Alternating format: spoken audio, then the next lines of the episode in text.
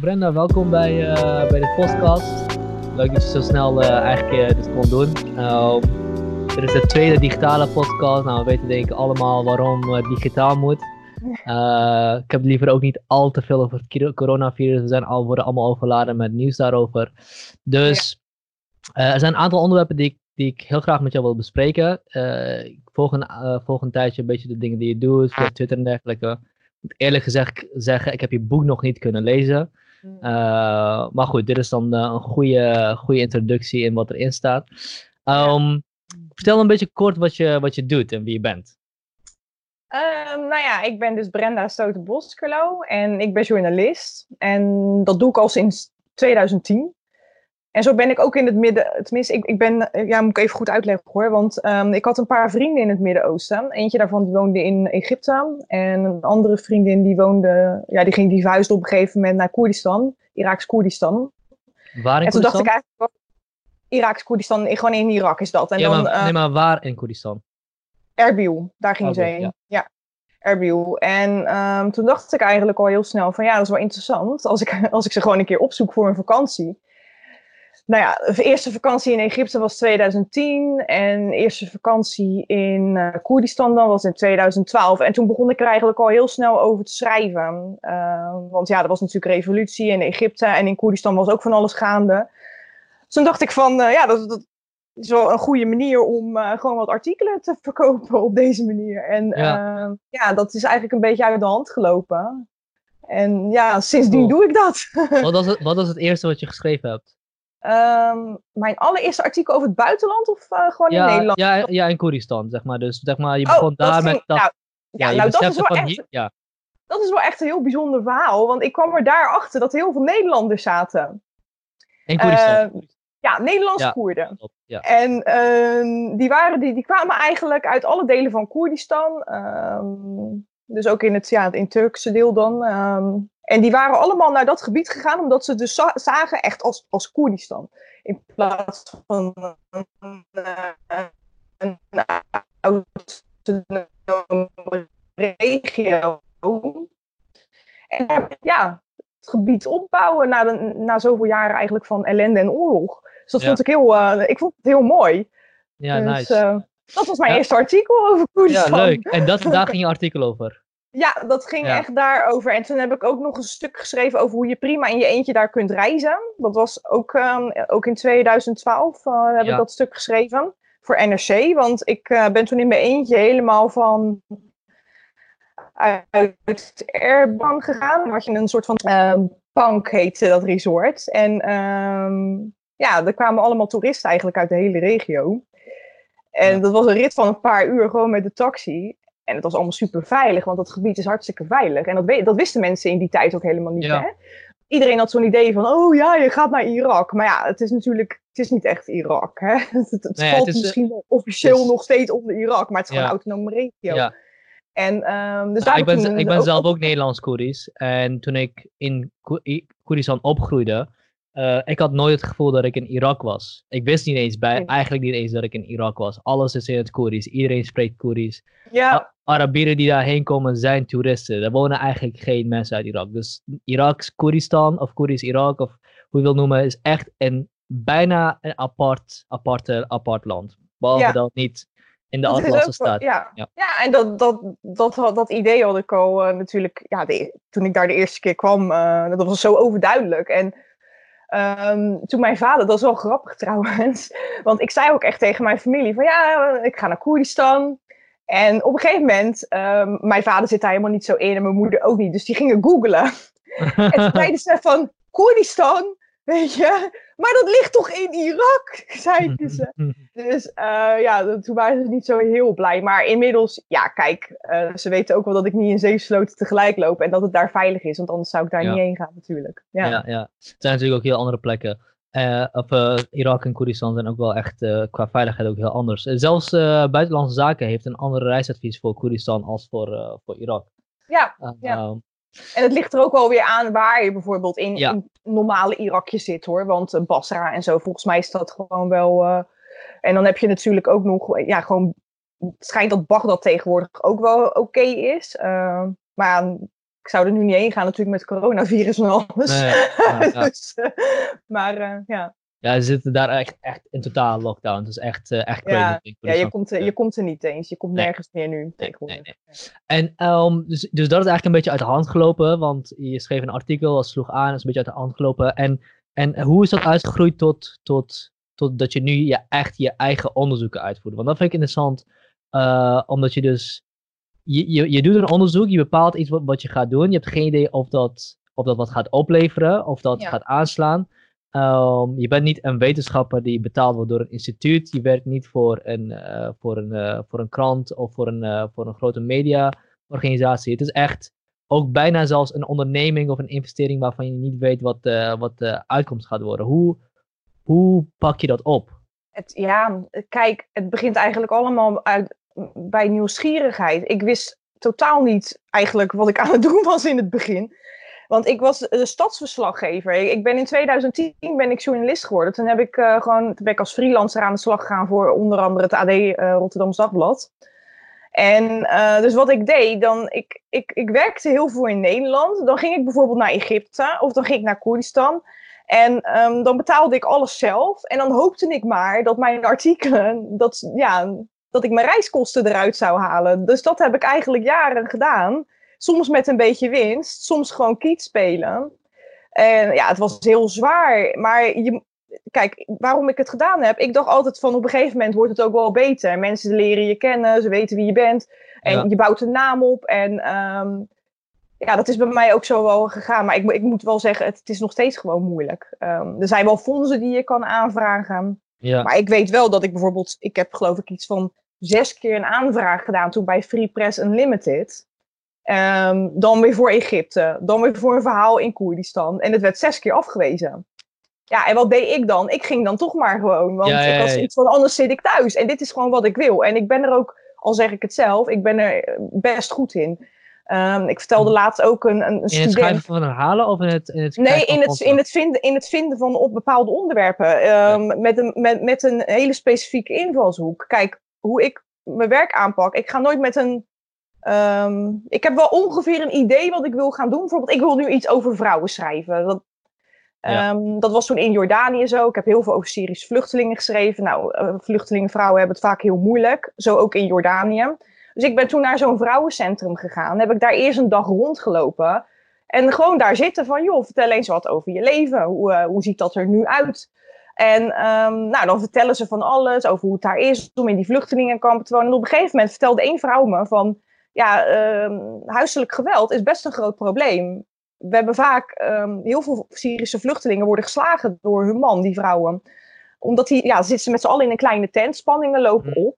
En um, toen waren er ook wat vrouwenrechtenactivisten opgestaan. En die hebben dan weer die vrouwen geholpen om dan een scheiding aan te vragen. En toen dacht ik zo, dit is een verhaal. Kijk, en dit is één voorbeeld. En zo pak ik het gewoon heel vaak aan. Dat ik iets hoor van iemand dat ik denk van ja, dat is interessant. En daar ga ik dan achteraan. Dus meestal, um, dus echt die hele grote onderwerpen. Ik, ik, kies meestal een soort van zijpad. Snap je wat ik bedoel? Mm -hmm, Ja, dat vind ik altijd uh, heel, dus je, heel fijn. Dus, je, gaat, dus je, gaat, je, je kijkt naar een groot onderwerp of naar een grote gebeurtenis. Daar ga je heen. Je gaat je eigenlijk begeven onder in die fysieke ruimte. Ja. En daar zoek je verhalen binnen het grote verhaal om te vertellen. Ja, ja. en um, kijk, die kleinere verhalen die staan natuurlijk ook voor iets. En ze zijn ook belangrijk, want in, het, in de, waan, ja, de waan van de dag, dan vergeten we nogal eens dat er ook hele andere dingen spelen. Mm. onder bepaalde groepen dan. Kijk, het, een ander goed voorbeeld is hoe ik dat heb gedaan met de Yazidi, de genocide op de Yazidis ik ging daar in 2017 heen voor twee hele lange verhalen voor de Groene Amsterdammer. En nu moet je weten, ik had al meer over de Yazidis geschreven. Hè? Dus dat is niet uh, mijn eerste kennismaking met ze. Maar ik ging daar dus heen voor twee grote verhalen. Eentje over reïntegratie van vrouwen, die dus als slaaf uh, werden verkocht door IS en weer zijn teruggekeerd naar de gemeenschap. Een ander over kindsoldaten van IS, voormalige kindsoldaten. Want die Yazidi jongens hebben ze allemaal in trainingskampen gestopt. Ja. Nou, ik ging daar voor die twee verhalen heen. Maar ik kwam met tien verhalen terug, bij ze van spreken. Want ik hoorde ook dat er heel veel mannen waren die hun hele gezin waren verloren. En uh, dat bijvoorbeeld de kleinste kinderen verkocht werden aan adoptiefamilies in, um, in Mosul. Dus IS-adoptiefamilies, hè? dus geen echte adoptiefamilies. Ehm, dit alles viel eigenlijk onder die genocide. Dus ze wilden, ja, het was gewoon een doelbewuste poging om die Yazidis uit te roeien Ja. van IS. En daar hadden ze allerlei verschillende ja, systemen voor opgezet. En zo doe ik dus mijn onderzoek. Ik ga daarheen, ik praat met heel veel mensen. Ik denk, oh, dit is ook interessant. En dan, ja, dan, dan, dan pak ik dat onderwerp op. En, en als je uiteindelijk een verhaal hebt, hoe, hoe werkt het dan met bijvoorbeeld, eh, bijvoorbeeld een media? Eh, Stuur je dat naar verschillende kranten en media op? Of eh, Ja. en ga je dan onderhandelen over de prijs van, een- van, van een artikel Ja, of zo? Of Soms wel. Ja, Kijk, sommige kranten die betalen gewoon een woordprijs. En eh, ja, als je dan bijvoorbeeld zo'n fonds hebt aangevraagd, dan krijg je dus je reiskosten vergoed.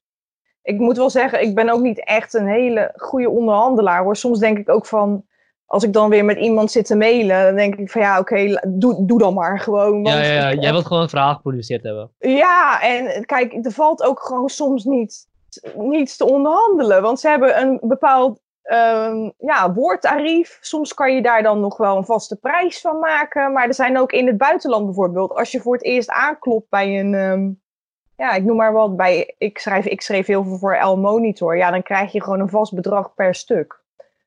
En ja, bij Al Jazeera bijvoorbeeld ook. En ja, je kan, er, je kan er dan voor kiezen. Want soms als het echt te laag is, dan zeg ik van ja, nee. Dan, eh, als die onderhandelingen op niks uitlopen. Ja. Maar wat Maar- ik meestal Maar doe, dan ga je met je artikel naar iemand anders toe. ja, dan ga ik gewoon naar een ander. Ja. Want ik verkoop bijna alles. En dat is wel iets waar ik wel heel blij mee ben. Omdat ik juist altijd van die specifieke onderwerpen eh, oppak. En ook wel grondig mijn onderzoek doe, denk ik. En ehm, ja, ik schrijf heel menselijk. Dus ik, Mm. ik vind altijd het belangrijk. Mensen zijn het belangrijkste in mijn verhalen. Die staan gewoon helemaal voorop. Dus geen politieke Ja. zeur of wat dan ook. Ik laat, ik, ik- dat, dat zit allemaal in dat artikel wel verweven. Maar wat ik mooi vind is dat mensen gewoon door blijven lezen. En dat doe je meestal door gewoon die verhalen ja, heel dichtbij te brengen. Ja, ik moet ook zeggen, inderdaad, ik, eh, ik las het artikel van jou in de Groene gisteren. Over inderdaad uh, vluchtelingkampen en verschillende kinderen. En het ging inderdaad allemaal over persoonlijke ervaringen van mensen. Ja. En, en dat raakt je op een gegeven moment ook wel op een andere manier dan, dan de geopolitieke verhoudingen die spelen in zo'n gebied. Die natuurlijk ook belangrijk zijn om te begrijpen. Maar Ja. ook niet Maar die- vergeten dat dat om mens, ook echt op mensenlevens gaat. ja, maar die mensen vertellen ook weer tegelijkertijd dat verhaal. Van bijvoorbeeld die geopolitiek of wat dan ook. Ehm, ja, want je maakt met z'n allen de samenleving. En door wat zij zeggen ook, en als je dat in je artikel verwerkt, dan krijg je ook wel een heel goed beeld van hoe het daar dan werkt Hmm. in het Midden-Oosten. En het is natuurlijk ook best wel complex. En ik vind het belangrijk dat ook gewoon mensen die daar niet zo heel veel van af weten, dat als ze dat artikel lezen, dat ze dan het begrijpen van, oh, dit is wat daar speelt. En ehm, ook dat mensen ehm, niet meer als de ander worden gezien. Hè? Dat, daarom schrijf ik ook zo persoonlijk. Ik wil dat het voelt alsof je naast mensen op de bank zit. Mhm.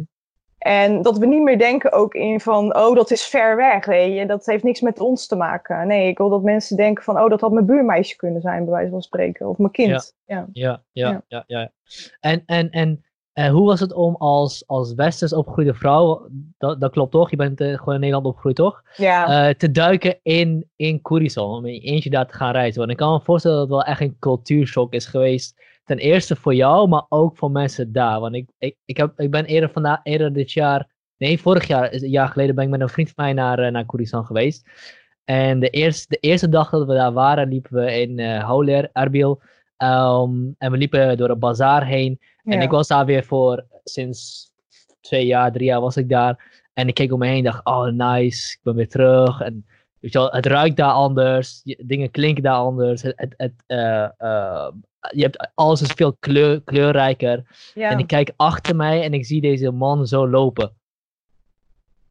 Ik zo, Ja. wat is het Steven? Ja. Hij, zo, hij zo, ik ben blind. Ik herken niks. Er is niks hier wat in mijn, in mijn, in mijn perspectief zit wat ik ken. Dus ik weet, had, had jij ook zo'n ervaring of was je eh, beter voorbereid? Ja, ik weet niet. Het, is, ja, waar moet ik beginnen? Ehm, kijk, ik kom uit, ja, ik kom uit Rotterdam. Misschien is dat wel even belangrijk om te vertellen. Maar ik kom uit Rotterdam-Zuid, uit een hele multiculturele omgeving. Dus ik zat altijd bijvoorbeeld tussen, ja, Turkse... Ik, ik had een Syrische vriendin, eh, Turkse vriendin, eh, Marokkaanse vriendin, noem maar op. Dus voor mij al verschillende culturen, die kwamen al automatisch bij mij, ja, ik, ik zat daarin. Dus voor mij was dat gewoon de, de normale wereld, zou ik maar zeggen. Allerlei verschillende culturen. En het hele Midden-Oosten, dat trok mij sowieso wel. Ehm, ja, oh, ik ben trouwens zelf ook niet helemaal Nederlands. Hè. Mijn, mijn vader is half Italiaans, mijn moeder is half Grieks. Dus ik, ik heb altijd wel heel erg, uh, ja, wat ik zei, gewoon multiculti. uh, maar ik moet wel zeggen, toen ik voor het eerst naar Koerdistan ging, ja, ik, ik, zat er wel van, ik stond er wel van te kijken. Ik dacht wel van, um, ja, dit is niet echt hoe ik het me had voorgesteld, nee. Oké, oké. Waar stond je het meest van te kijken dan? Dat het zo mooi was. Dat het zo ontzettend mooi was daar. Dat zie je niet op het nieuws, hè? Als je. ja, dus het gaat toch meestal alleen maar over de negatieve dingen. Maar ja, dan, dan, zit je daar in een taxi en dan zo door de bergen heen. En dan kom je weer een waterval tegen, ik noem maar wat. En um, ja, ik heb echt mijn ogen daar uitgekeken. En op een gegeven moment, ik ben heel erg. Ik was vroeger heel erg fan van Aladdin. Toen ik klein was. Ik was altijd verliefd op Aladdin. En uh, ja, nee. dat ook nog zo. ja. En Simbad de Zeeman ook trouwens hoor. en op een gegeven moment. Ik, ik, dus je had dan affiniteit met het oosten. Ja, ja. ja, dus toen ik op een gegeven moment in mijn eentje dus helemaal naar Soran ging. Kijk, ik moet wel zeggen, ik werd opgevangen door mensen. Hè? Ja. Dus dan werd ik bijvoorbeeld, dan had ik daar een, een vriend zitten. En ik zat natuurlijk bij een vriendin van mij in huis, Beri. Beri Shamashi is een filmmaker. Oh, oké. Ja. ja. Dus ja, dankzij haar ben ik dus in Koerdistan beland. Want zij is daar toen gaan wonen. En zij is een van mijn uh, ja, vriendinnen die toen naar het Midden-Oosten is verhuisd. Dus, um, ja, dus ik werd altijd wel opgevangen. En ik had altijd, ook altijd, ik had altijd wel gezelschap hoor. Maar als ik dan van de ene plek naar de andere plek ging. En ik besloot om in mijn eentje te gaan. Om naar iemand anders toe te gaan. Ja, dan moest ik alleen natuurlijk. dus dan zochten zij gewoon een taxi voor mij. En want alles gaat daar natuurlijk met taxis. Hè? En, uh, en dan zat ik met zo'n oud, uh, oud mannetje, zat ik zo in zo'n echt zo'n tuf taxi. Eigenlijk, ik weet niet hoe ik moet uitleggen. Zo'n krakkemikkig taxietje door de bergen heen. Met zo'n oud mannetje, ja. Ja, ik heb hele mooie herinneringen aan die reis. De eerste keer dat ik daar was. Ja. Maar om terug te komen op dat, oh wacht even, om terug te komen op dat Aladdin. Ja, oh, daar begon ik je over. Um, toen was ik dus in Soran en toen liep ik door zo'n hele kleine bazaar. Nou, en dat was echt net alsof je in duizend en één nacht zat was prachtig. Met een waterval die door die bazaar heen ging. Nou, ik heb nog nooit zoiets gezien. En dat zie je uh, dus op het nieuws, hè? Ja. Is dat, uh, ik vergeet het altijd, is dat richting, uh, richting, hoe Oei. heet het alweer? Het bij een restaurant is dat toch? Um, ja, ik weet, weet, het niet. Het, het is uh, Soran. Ja, waar, waar lag dat ja. ook alweer? Ja, ja, ja, ja, ja. Ik, weet, um, ik, ik, weet wat je bedoelt. Ik, ik weet, even niet welke richting dat was. Ik, nee. ben echt, ik ben op veel plekken geweest hoor. Ik ben natuurlijk heel vaak ja. heel veel in Dork geweest. En uh. Nee, dat is... Dat, Sulima, dat, Suli, uh, weet ik het allemaal. Ik ben ja, ook... Ja, wat, ja. Wat, wat, wat, jij bedoelt is, uh, als je bij, in Holer naar het noorden gaat, richting... Uh, hoe heet die berg nou ook alweer? Het is echt een toeristische trekpleister. Je hebt ja. daar ook zo'n uit, uitkijkpunt en iedereen maakt ja. daar foto's. Ja, ja, en het is een restaurant. Uh, waar, de, de, zeg maar, de, je hebt een kleine bazaar en het is een restaurant en er is ook een hotel in de berg. Ik weet niet hoe die ja, heet. Nou, geweldige ja, plek. Geweldige er zijn, plek. Er zijn echt heel veel van dat soort plekken hoor. Ja, het is super mooi. Ja. Um, ja, over, over Koerdistan kan ik eindelijk eindeloos doorpraten. um, maar laten we het inderdaad ook even hebben over, uh, over, uh, over je onderzoek, of je werk, of je afgelopen werk, uh, laatste werk over de Yazidis, het vergeten volk. Ja. Um, heel veel natuurlijk nieuws daarover, heel veel over, over te praten. maar ik ben ook vooral zelf ten eerste benieuwd, wie zijn precies de Yazidis? Want ik weet het enigszins, maar ik weet het niet, ik weet het niet heel goed. Dus misschien kun je daar wat, wat diepgang en wat meer context aan geven over wie die Yazidis nou precies zijn. Ja, nou ja, de Jezidis zijn een, een etnisch-religieuze minderheidsgroep. Um, dan geconcentreerd dan uh, ja, in het noorden van Irak, Koerdistan ook. Um, er wonen ook wel heel veel in uh, Koerdische delen van Syrië natuurlijk, uh, Jezidis. Ongeveer iets van, ik denk dan in heel Irak 600.000 waren het voor de genocide. waarvan ongeveer 400.000 dus in Sinjar. En Um, ja, waar geloven zij? Zij geloven in, um, in de Pauwenengel, in, uh, in Taus Melek. Ja, ja, ja. Uh, hij is een van de zeven ja, aartsengelen dan, waar zij in geloven en ook de belangrijkste. Uh, dus ze zien hem eigenlijk als een soort van manager van de aarde. ja, iemand die eigenlijk deze wereld draaiende houdt. En het is ook een soort van alter ego voor God. maar, maar is, het dan, is, het, is, is het een monotheïstische religie of is het een, wat voor religie is het dan?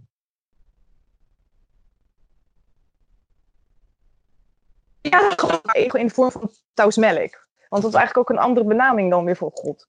Ik vind dat zelf altijd heel lastig, maar um, je moet hem eigenlijk ja, als een soort van manager, denk ik, van de aarde zien. Zo omschrijf ik het altijd, de, tenminste. De power, de, power, de power is de manager van de aarde, oké. Ja, zoiets, ja. Want hij is dan uh, degene ja, naar wie ze dan ook bidden en om uh, advies vragen en zo. Uh, of um, ja, leiden. En, en het is ook een voorbeeld, hè. Want zij zeggen dus altijd van, um, ze geloven niet ze geloven niet in de duivel. Ze denken dat, ja, dat bestaat volgens ze niet. Ze mogen het niet eens uitspreken, in principe. Um, maar ze geloven dus dat het goede en het kwade in de mens zelf aanwezig is. En dat het aan jou is om het goede te doen, net zoals dat Taus Melk dus deed. Mm -hmm. Ja, en op een gegeven moment, wat dat, dit is het verhaal wat heel belangrijk is, omdat hij, um, want dit is de reden waarom IS ook heeft aangevallen. Omdat IS ze dus als duivelsaanbidder ziet. En dat heeft dus te maken dus met Taus Melk. Want hij schijnt dus uh, um, ja, geweigerd te hebben te knielen voor Adam, voor een mens. En um, ja, daardoor, dit is dan de versie die IS gelooft. Hè, omdat hij vergelijkenissen vertoont met Iblis, uh, ja, de duivel. Mm -hmm. Ja, en daarom vinden zij dus dat de Yazidis aangevallen mogen worden. Terwijl de Yazidis zoiets hebben van, ja, maar juist omdat hij dus weigerde te knielen voor Adam, kwam hij juist weer in de gunst van God. Want Taus Melk zei, ik, bid, ik kniel voor niemand behalve voor God. Ja. En daardoor werd hij juist weer benoemd tot de leider van de aartsengelen. En de belangrijkste figuur. Dus het was eigenlijk een soort van test van God, zeggen die Yazidis. Oké, okay. en maar, maar zijn de Yazidis dan gerelateerd aan, aan moslims? Of, of is het echt nee. een heel andere religie? Nee. Deze? Want nee, ze hebben echt... dus blijkbaar wel, wel, wel... Zij geloven dus dat iedereen ooit in dat gebied, dus in Mesopotamië eigenlijk iedereen op de hele wereld, maar even voor het gemak gewoon Mesopotamië vroeger. Uh, want dat geloof gaat echt 4000 jaar terug. We weten niet precies waar het vandaan komt. De ene zegt dat het uh, bijvoorbeeld het Zoroastrisme is. Uh, maar het heeft wel gewoon zijn oorsprong in de oude Perzische religies. Um, bijvoorbeeld waar de zon een hele belangrijke rol speelde. Want Yazidis die bidden ook richting de zon. Mm. En ja, ze geloven in alle elementen die de wereld draaiende houden. Die zijn ook heilig voor ze. Uh, water, vuur, dat soort uh, zaken. Dus daaruit kunnen we opmaken dat het inderdaad een beetje uit die oude religies uh, ja, voortkomt. Maar in de 12e eeuw is het geloof hervormd door Sheikh Ali. En hij was dus een Soefi uh, geleerde. Die op een gegeven moment een spirituele ingeving kreeg. Van, oh, ik moet, richt, ik moet naar Lalesh. Dat is dan het heiligdom van de Yazidis. Hmm. Om, zij, om, om deze groep te leiden. En hij heeft dus dat geloof eigenlijk structuur gegeven en opnieuw gevormd. Dus bepaalde regels ingesteld, dat je een kastenstelsel hebt, uh, de sheikhs, de piers, de merit. En ook dat je alleen maar Yazidi mag, kan zijn als je dus met elkaar trouwt. En als je, uh, dus ja, een Yazidi-kind um, moet twee Yazidi-ouders hebben. Okay. Snap je? Ja, ja, je kan niet bekeren tot het Yazidisme, dat is niet mogelijk. Je moet echt als Yazidi geboren worden. Oh. Ja. Dat, dat, is, dat, is, dat is anders dan elke andere religie volgens mij ja, op ja. de wereld. En dat is ook een beetje natuurlijk het, uh, het probleem, hè? Want um, ja, als je nu kijkt naar bijvoorbeeld vrouwen die uh, kinderen hebben gekregen van IS-strijders, geboren dus na verkrachting, ja, Ja. die worden niet geaccepteerd door de gemeente.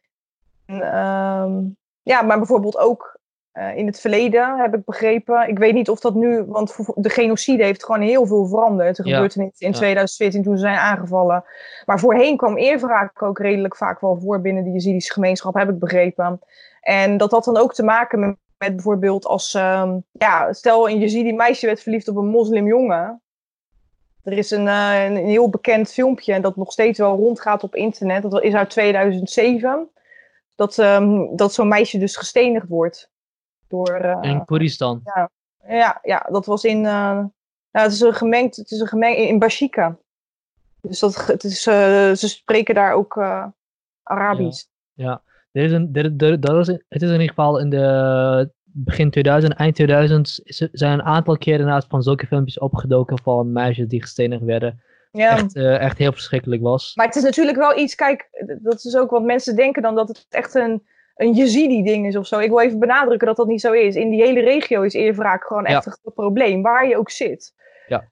Um, ja, dat komt in al die gemeenschappen voor. Ook onder de christenen en de moslims en noem maar op. Ja, ja, ja zeker. Dus, zeker. Het, het, het, het, is op, het is echt nog een heel groot probleem waar vrouwen in Koerdistan uh, heel, heel, echt heel erg tegenaan lopen. Um, wat wil ik nog vragen? Ik ben een vraag kwijt. Maar goed, uh, waarom, waarom, waarom waren die hervormingen nodig in die tijd? Ja, dat weet ik dus niet. Het is zo, zo van dat, uh, dat ze geen richting hadden. Ja. En natuurlijk, uh, ja, op een gegeven moment had je natuurlijk de, ook de opkomst van de islam. Dus heel veel mensen die werden, of ja, gedwongen bekeerd. Uh, Jezidis werden ook, die zijn ook slachtoffer, ja, ja, 73 keer eerder het slachtoffer geweest van, van Veerman, zeggen ze dan. Dus volkerenmoord of ja, vrij vertaald genocide. Ja. Uh, dus ik denk dat ze daarom gewoon hele strenge regels toen op een gegeven moment hebben gekregen. Ik moet wel zeggen, het geloof op zichzelf is niet zo heel streng. Behalve dus deze paar regels. Je mag alleen maar binnen je eigen kasten trouwen. Je mag alleen maar met de Yazidi trouwen. Je mag niet bekeren en zo. Maar voor de rest is het zo van, ja, Yazidis drinken gewoon alcohol. Um, er wordt gezegd dat ze bepaalde bladgroenten niet eten en zo. Maar ja, ik heb daar geen bewijs voor kunnen vinden. Ligt er gewoon aan in welk voor gezin je opgroeit, denk ik ja, met al die regels, ik denk dat het meer voor heel veel Jezidis is het meer gewoon echt een identiteit. Ik ben Jezidi en um, ja, dat staat gewoon voorop bij ze.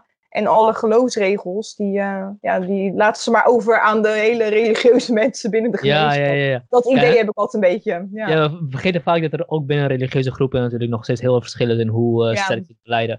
Uh, ik besef me trouwens dat ik laatst al bij een Yazidi-presentatie was van dokter Im uh, Imra nog iets, ik ben even zijn naam kwijt. Ilhan nog iets. Oh, Jan Kaziljan.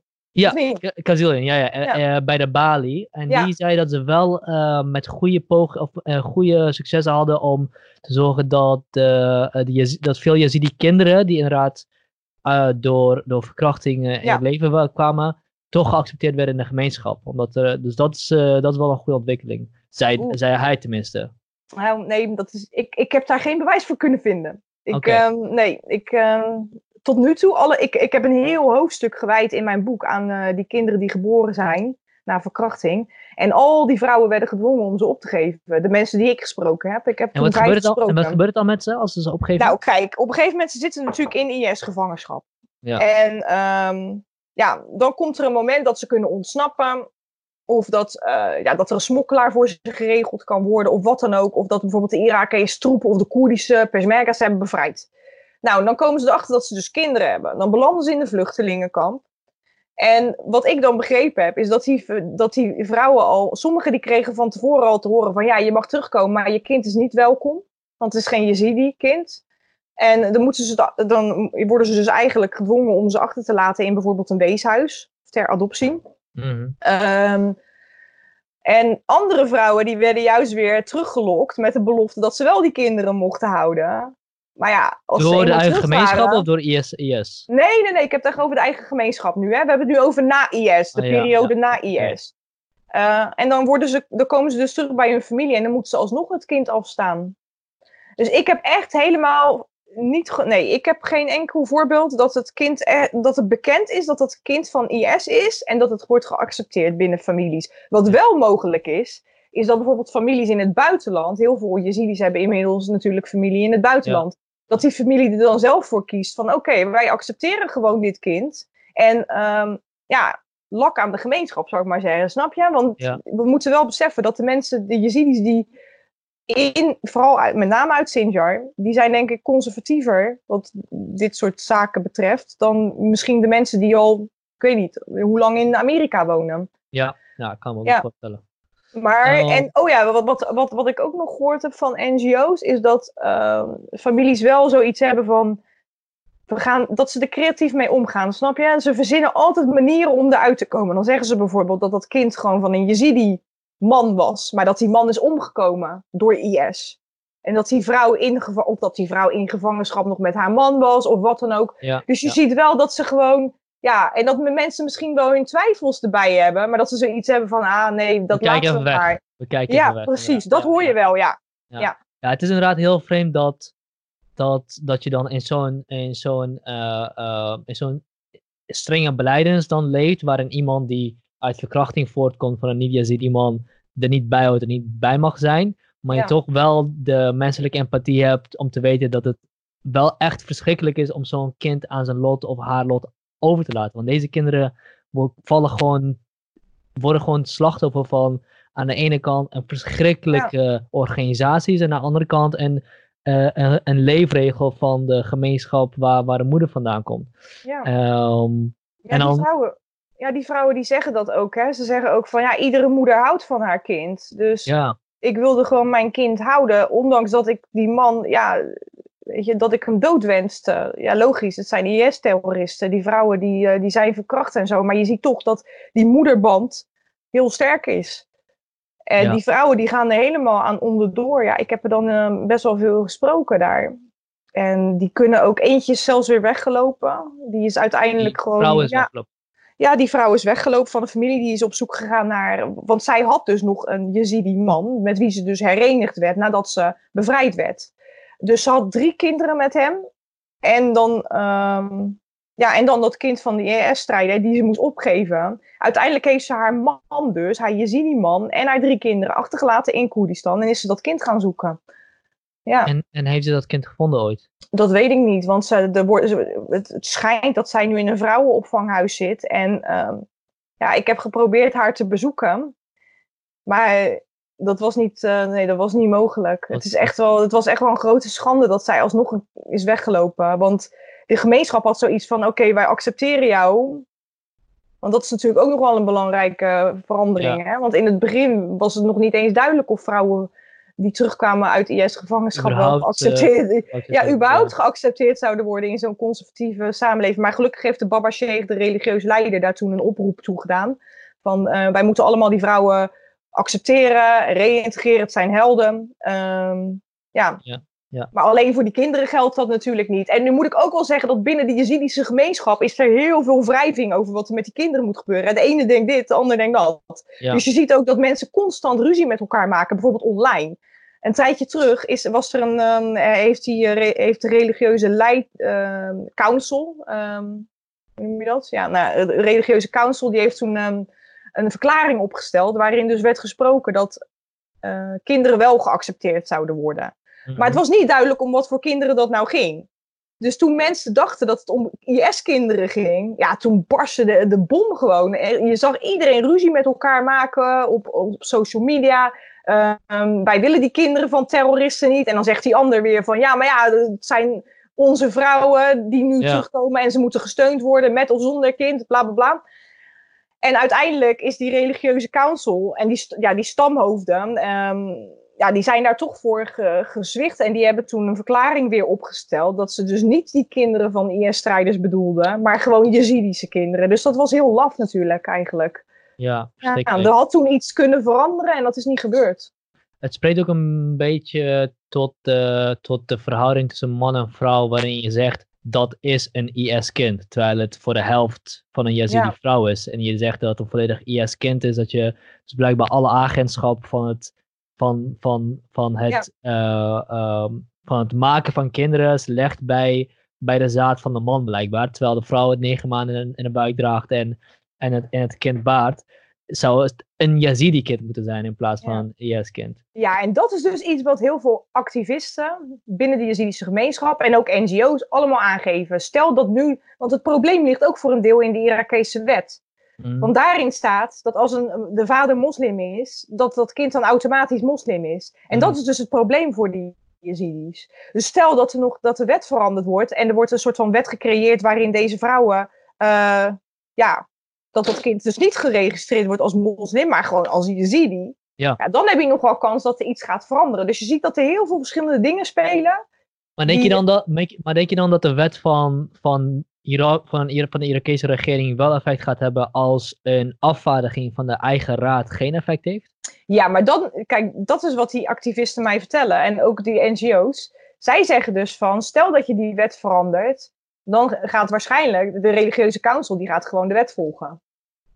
Die kans heb je wel, want die studies zijn wel zo dat ze echt, uh, ja, nee, die volgen de wet. Ja. En ze denken ook wel, en ik moet ook wel eerlijk zeggen, het klinkt nu allemaal heel negatief, maar er zijn wel uh, het zegt ook al wat dat die, dat die religieuze ja, de, ja, uh, council er toch wel in het begin, dat ze eigenlijk voordat al die ophef ontstond, dat ze dat, toch die statement, dat, dat, statement eruit hebben gegooid. Hè? Het geeft wel weer aan dat ze er echt wel mee bezig zijn en dat ze zien dat het een probleem is. Alleen, het is ja, wel slecht dat ze dat vervolgens hebben teruggedraaid natuurlijk. Ja, kijk, die wet natuurlijk, of, of die regel dat je alleen maar Yazidi bent als je beide ouders een Yazidi zijn, was natuurlijk voordat al deze problemen het eerst begon niet zo'n probleem, denk ik. Ik denk dat toen dat gewoon redelijk goed werkte in die samenleving, dat weinig mensen er last van hadden.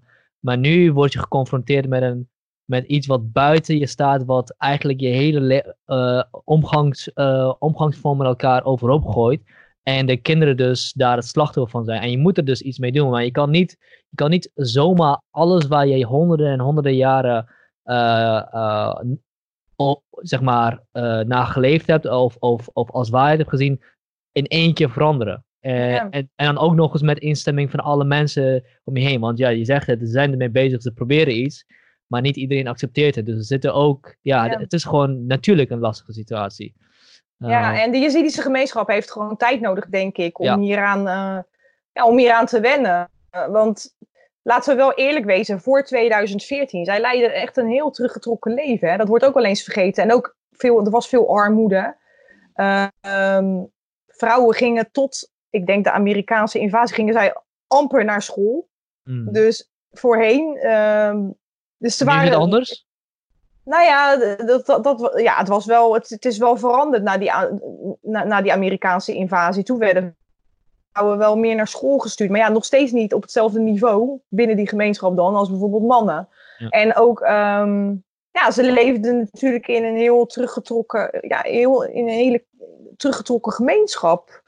Dus ik denk ook dat dat wel een rol speelt. Zij hebben heel veel veranderingen moeten doorstaan eigenlijk in zo'n korte tijd. Ja. Maar ze, je ziet wel dat ze echt wel bereid zijn om over al dat soort zaken gewoon te praten. En dat is natuurlijk al, dat is wel goed, vind ja. ik. Ja, je, je, kan er wel over praten met mensen. Het is niet dat, dat, dat, dat mensen het helemaal doodzwijgen. Nee, ze maken er ruzie over, gewoon online. En uh, ja. Het is gewoon een actieve discussie binnen de gemeenschap zelf. Ja, ja, ja. En, en het is ook belangrijk dat gewoon die NGO's daar toch nog, uh, dat ze daar altijd aan blijven werken. Kijk, bijvoorbeeld Jasda, hè, de grootste Jezidische NGO. Zij maken zich daar ook hard voor dat die, dat die vrouwen. Uh, dat er een oplossing komt. Uh, ja, dus je ziet dat het wel, het, het, speelt wel, het leeft wel echt binnen die gemeenschap en ze proberen wel een oplossing voor te vinden. Ja. ja. En um, je, zei, je zei iets eerder zei je nog dat, uh, dat IS echt een heel systematische manier had van um, de Yazidis uit te moorden. Hoe, hoe zag dat eruit? Wat hebben zij moeten doorstaan? Je valt een beetje weg. Eén van, hè? Kinderen verwekken bij die uh, vrouwen. Je, je, je viel een beetje ja, weg. Ja, want zij wil... Oh, hoor je mij? Ja, nee, kijk, dit, dit is één van de... Ja, dus uh, kinderen verwekken bij die vrouwen was ja. één van de manieren. Ja, ja om, om hun gemeenschap natuurlijk uit te breiden. En uh, om het Yazidi-geloof uh, en hun hele cultuuridentiteit, alles uit te wissen. Zij zijn echt naar Sinjar gegaan ehm, met het doel om die mensen gewoon ja, uit te roeien en te bekeren, te bekeren. Dus ja, daar hadden ze ook grondig onderzoek naar gedaan. Hè? Voordat ze dus Sinjar aanvielen, hadden ze Sharia-studenten in dat kalifaat van ze, hadden ze onderzoek laten doen. Want ze hadden gehoord over de Yazidis. En ze wisten er ook heel veel vanaf, hè? Over hun gebruiken okay. en dus, hun dus gewoontes, hun regels. Wacht heel even, want wat ik dus dacht dat er, dat er gebeurd was, is dat uh, de Yazidis onderdeel waren van de expansiecampagne van IS. En zo waar IS komt, moorden ze iedereen uit. Nee. Uh, maar ik had niet door dat ze specifiek om de Yazidis uit te moorden na, da daarheen waren gaan. Ik dacht nee, ze hadden zij... naar allerlei gebieden kunnen gaan. Waarom zouden ze naar Sinjar gaan? Kijk, het ligt strategisch wel goed. Maar het was Mhm. niet echt een hele logische keuze als ze bijvoorbeeld hun mankracht allemaal naar Erbil of zo komt. Ik noem maar wat, dat hebben ze toen ook gedaan. Maar ze zijn echt heel erg bewust naar dat gebied gegaan. Omdat ze dus gehoord hadden dat daar een bepaalde groep leefde. Dat, daar komen ze ook eerlijk vooruit. Hè? Er zijn allemaal van die Ja, ja. magazines Van, geschreven door leden van IS. Waarin ze dat hele plan helemaal uit, ja, beschrijven aan de hand van religieuze bronnen en zo. Ehm, en dan zeggen ze dus ook van wij hadden sharia-studenten onderzoek laten doen naar wat er met de Yazidis moest gebeuren. En ja, toen zijn ze tot de conclusie gekomen dat je de mannen mag vermoorden als ze weigeren zich te bekeren. En dat je de vrouwen en de kinderen tot slaaf mag maken. Enig idee hoe, hoe zo'n onderzoek eruit ziet? Nou ja, dat is gewoon sharia, eh, gebaseerd op wat zij dan verstaan onder de sharia-wetgeving. Dus die, die studenten die zijn daar opgezet, sharia-studenten. Van uh, daar en daar woont een bepaalde groep. Wat moeten we daarmee? Bijvoorbeeld christenen mochten nog een belasting betalen hè? onder IS. Dus die mochten daar blijven wonen als ze maar belasting zouden betalen. En dan enig idee waarom, christenen, waarom christenen dan wel mochten blijven leven en Yazidis niet? Ja, dat, dat valt onder hun, omdat zij mensen van het boek waren. En de Yazidis die kwamen niet in de Koran voor. Um, ja, dus, dus, ze werden gezien als uh, ongelovigen of duivelsaanbidders. Ja, en, en dat, daar mag je alles mee doen volgens IS. Dus die mag je gedwongen. Ja, in oorlogstijd, daarvoor hebben ze allerlei bronnen geraadpleegd. Bijvoorbeeld het leven van, uit, ja, over het leven van Mohammed dan, uh, de, uit de hadith, maar ook de Koran, dat soort dingen. En um, ja, met hun knip en plak, uh, hoe zij dat altijd heel mooi doen. Ja. dus gewoon, um, ja, gewoon verschillende bronnen dat in een soort van document gooien. En kijk, dit is waarom we dat gedaan hebben. Dat hebben ze toen allemaal in Dabik beschreven. Ja. Dus het was echt doelbewust, hè? En dat vind ik wel belangrijk dat mensen dat weten. Want heel vaak wordt het gedaan alsof IS. Kijk, het zijn natuurlijk ook gewoon. Eh, ja, heel veel mensen zullen vast wel psychische problemen hebben en niet helemaal uh, honderd zijn, zou ik maar zeggen. Maar ze zijn ook wel heel erg uh, planmatig en mhm. doelgericht. Mm. En dat blijkt hieruit bijvoorbeeld. Die hele genocide was gewoon een opgezet systeem slavenhandel. Dat hebben ze helemaal her in, in, uh, ingevoerd. Ja. Dus met allerlei voorgesorteerde, uh, voorgeselecteerde locaties en al. Vrouwen werden eerst daarheen vervoerd. En dan vanuit die plek weer daarheen. Vervolgens gedistribueerd. Ja, als vee gewoon vervoerd weer naar andere distributiecentra. Ja, slavenmarkten. Om ze dan weer te verkopen. Dus dat echt een heel systeem achter. En dat was uitgedacht. En, en werden, ze, werden die vrouwen verkocht binnen IS of ook buiten IS? Nou, kijk, dat is ook nog zoiets. Um, wat IS toen in, in, in, dat magazine heeft geschreven. Um, wat, wat die IS-strijders hebben geschreven. De eerste selectie was eigenlijk door de mensen die meegewerkt hadden aan de operatie in Sinjar. Dus de, dus de IS-strijders die dus de Yazidis hadden aangevallen. Zij mochten de eerste vrouwen uitkiezen. Meisjes dus, hè? Ja ja, we, hebben het, we hebben inderdaad ook gewoon over meisjes van 10 jaar, 8 jaar. Ja, want dat, dat is ook nog iets wat ik wil benadrukken. In het begin werden dus alleen de ongetrouwde vrouwen en meisjes verkocht. Uh, maar toen IS er eigenlijk achter kwam dat de slavenhandel het zo goed deed in dat kalifaat, want hiermee lokten ze nieuwe strijders. Ja, hebben ze op een gegeven moment ook, gingen ze ook de, de getrouwde vrouwen gingen ze verkopen of weggeven tijdens een loterij. Dat hoorde je ook vaak. Dat bijvoorbeeld de oudere vrouwen die werden gewoon weggegeven in een door IS georganiseerde loterij. Dan stopten ze allemaal papiertjes met namen in een pot. En dan moest iedereen er eentje uittrekken. Ja, en die vrouw kreeg jij dan. Het is echt, ja, het ongelooflijk. Dit soort dingen hebben zij allemaal uh, gedaan. En uh, gewoon markten met allemaal vrouwen op een rij. Kies maar uit. Foto's maken van ze, via WhatsApp-groepen sturen naar elkaar. Uh, met prijs erbij. Ja, zo zie je dat die, uh, dat die uh, blijkbaar goddelijke boodschap heel uh, vervormbaar is wanneer er geld en, aan te verdienen is. Ja, ja, kijk, ik zeg altijd van, um, zij zoeken gewoon, als zij, ja, ik denk dat dit eerder was, dat zij een manier zochten ook weer om nieuwe strijders aan te trekken. Um, want je ziet ook dat het, ja, het deed het gewoon bijzonder goed in dat, in dat kalifaat slavenhandel, kan je je voorstellen. Ja. Dus, uh, ja. Uh, dus de slavenhandel binnen het kalifaat, maar werd er, werd er, werd er ook gehandeld met, met mensen buiten het kalifaat? Is dat iets wat we weten? Nou ja, ik heb wel gehoord dat ze inderdaad wel, dat er wel, dat er ook vrouwen bijvoorbeeld helemaal naar Saudi-Arabië zijn gevoerd en naar Turkije. Maar dat is ook weer misschien nadat dat kalifaat al ineens stortte, dat bijvoorbeeld mensen vluchten mhm. naar Turkije en hun slaven hebben meegenomen. Ja, dat, dat, dat, dat hoor je ook wel eens. Mhm. Inderdaad. Maar het was echt wel een systeem binnen dat kalifaat. En uh, ja, het gek, ja, iedereen was het daar, binnen IS waren ze het daar ook allemaal mee eens. Want zij zien dan dus als de regels van God. Ja. En die vrouwen ook, hè? Die vrouw, dat, dat, dat hoor je ook vaak van Yazidis, dat die IS-vrouwen er actief bij betrokken waren bij die hele slavenhandel. Dus die deden dan hun make-up, uh, gaven ze kleding, dwongen ze eigenlijk om te douchen, hielden ze vast in hun huizen. Dat werd allemaal door IS-vrouwen gedaan. Ja. En ehm, we zijn al redelijk, redelijk ingedoken, maar ik wilde de vraag nog wel expliciet stellen. Wat, was, wat, wat leidde jou ertoe om dit, dit verhaal te willen gaan schrijven? Omdat er zo weinig aandacht voor was dat het echt een doelbewuste poging was om die mensen uit te roeien. En dat het een genocide is geweest. Kijk, ik heb de definitie van, ehm, van de Verenigde Naties heb ik helemaal in, in het begin in mijn boek gezet. Dat is echt de eerste pagina. Uh, zodat mensen zelf kunnen zien van alles wat IS heeft gedaan. Zo is mijn boek ook opgedeeld. Ja, dat valt onder die genocide. Verschillende aspecten van genocide. En dat vond ik heel belangrijk. En dat daar ook op vervolgd wordt. En dat mensen gerechtigheid krijgen. Want je ziet, voorheen waren ze. Ja, wie had er nou voor 2014 van de Yazidis gehoord? Ik wel toevallig, want ik was in 2013, omdat ik dus al naar Koerdistan en zo ging, was ik dus al in Lales en heb ik een keer een reportage gemaakt over de Yazidis. Dus ik kende ze al. Uh, maar voorheen, ja, niemand kende ze. Dus toen dit allemaal gebeurde, hebben de Yazidis in mijn ogen veel te weinig aandacht gekregen. Er was wel aandacht voor bijvoorbeeld de seksslavernij. Want ja, dat is toch een beetje sensationeel. En dat stond heel groot in de, in de krantenkoppen en zo. Op de meest, uh, ja, soms ook wel ordinaire manier, vond ik zelf. Als je over bijvoorbeeld de Nobelprijswinnares Nadia Murad.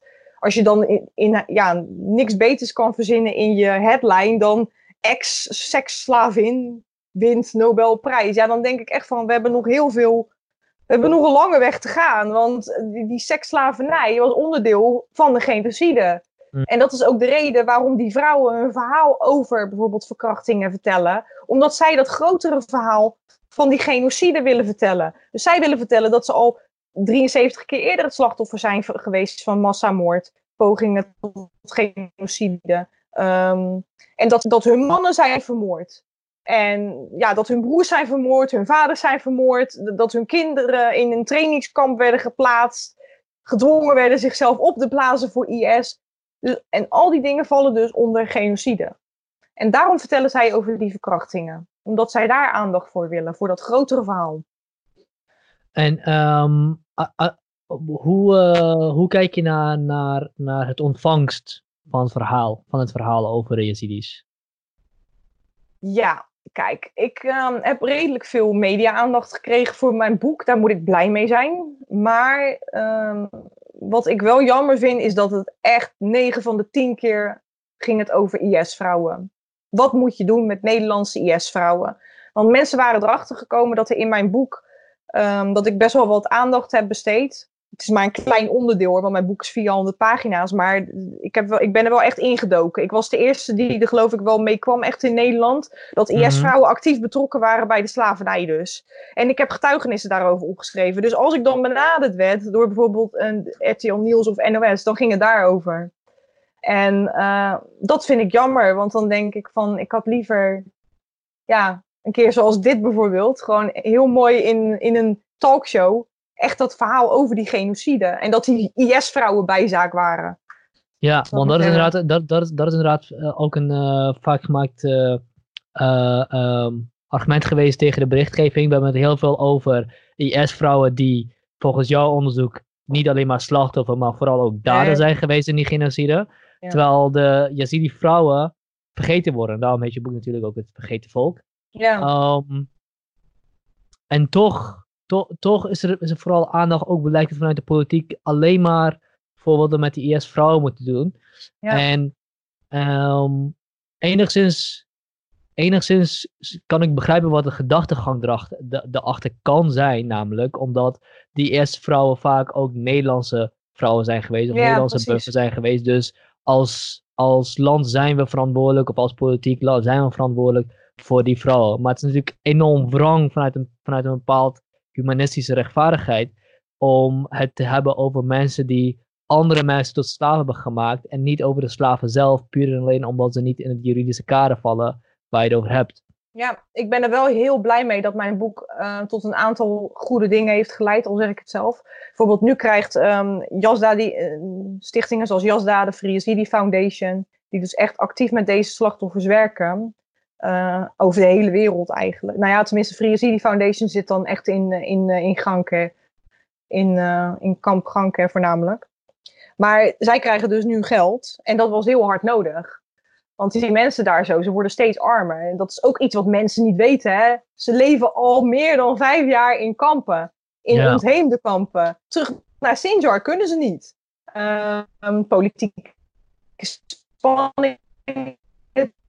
Dus wachten dat Koerdische regering slaan uit dat gebied. Iedereen wil. Um, dus dan heb je het over bepaalde, ja, bijvoorbeeld al-Shabi.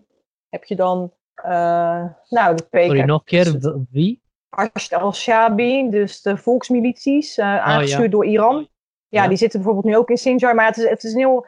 Er zitten heel veel verschillende partijen. Maar het probleem is gewoon, de Yazidis kunnen niet terug, omdat er allerlei spanningen zijn. Het gebied wordt af en toe gebombardeerd, ook door Turkije. In de strijd tegen de PKK uh, liggen overal mijnen. Um, maar waarom is dat gebied nu nog... Waarom is dat gebied nu nog steeds zo, uh, zo vol met strijdkrachten als IS weg is? Nou ja, omdat iedereen... Kijk, het, het, het zat namelijk zo. Het ligt in betwist gebied, Sinjar. Ja.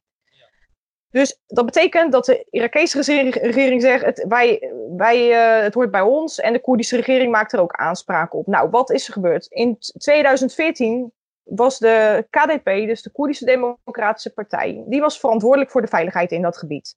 Zij hadden dat gebied bij Iraks Koerdistan getrokken. Maar toen IS eraan kwam, waren de Peshmerga's, alle veiligheidstroepen, waren plotseling weg. In de, dus de nacht voordat IS aanviel. Dus de Yazidis werden wakker en IS stond bij wijze van spreken in hun achtertuin. Um, ja, dat is iets wat Yazidis niet kunnen vergeten. Met het referendum, op een gegeven moment werd het gebied natuurlijk weer bevrijd van IS. Toen heeft iedereen samengewerkt. Dus bijvoorbeeld PKK, de Harst al-Shabi-milities, uh, maar ook gewoon de, de Irakese leger, Peshmerga's, noem maar op, iedereen. Maar vervolgens weigerden, weigerden ze allemaal te vertrekken. Nou, de Koerden hebben op een gegeven moment onafhankelijkheidsreferendum gehouden in 2017. En als straf daarvoor heeft Baghdad dus weer heeft gezegd: ja, jullie moeten vertrekken uit Sinjar. En toen is vervolgens de KDP vertrokken uit Sinjar. En nu zitten er allerlei verschillende partijen. De Koerden proberen het terug te krijgen, maar dat is nog niet zo. En tot die tijd is het gewoon, ja, het is niet duidelijk wie daar nou precies, uh, ja, bij wie dat gebied nou hoort. En iedereen heeft daar zijn eigen regels een beetje opgesteld. En je ziet die keren niet terug, want ze zijn ook het vertrouwen een beetje kwijtgeraakt, moet ik zeggen, in de, in de, in de KDP, omdat ze natuurlijk vertrokken zijn.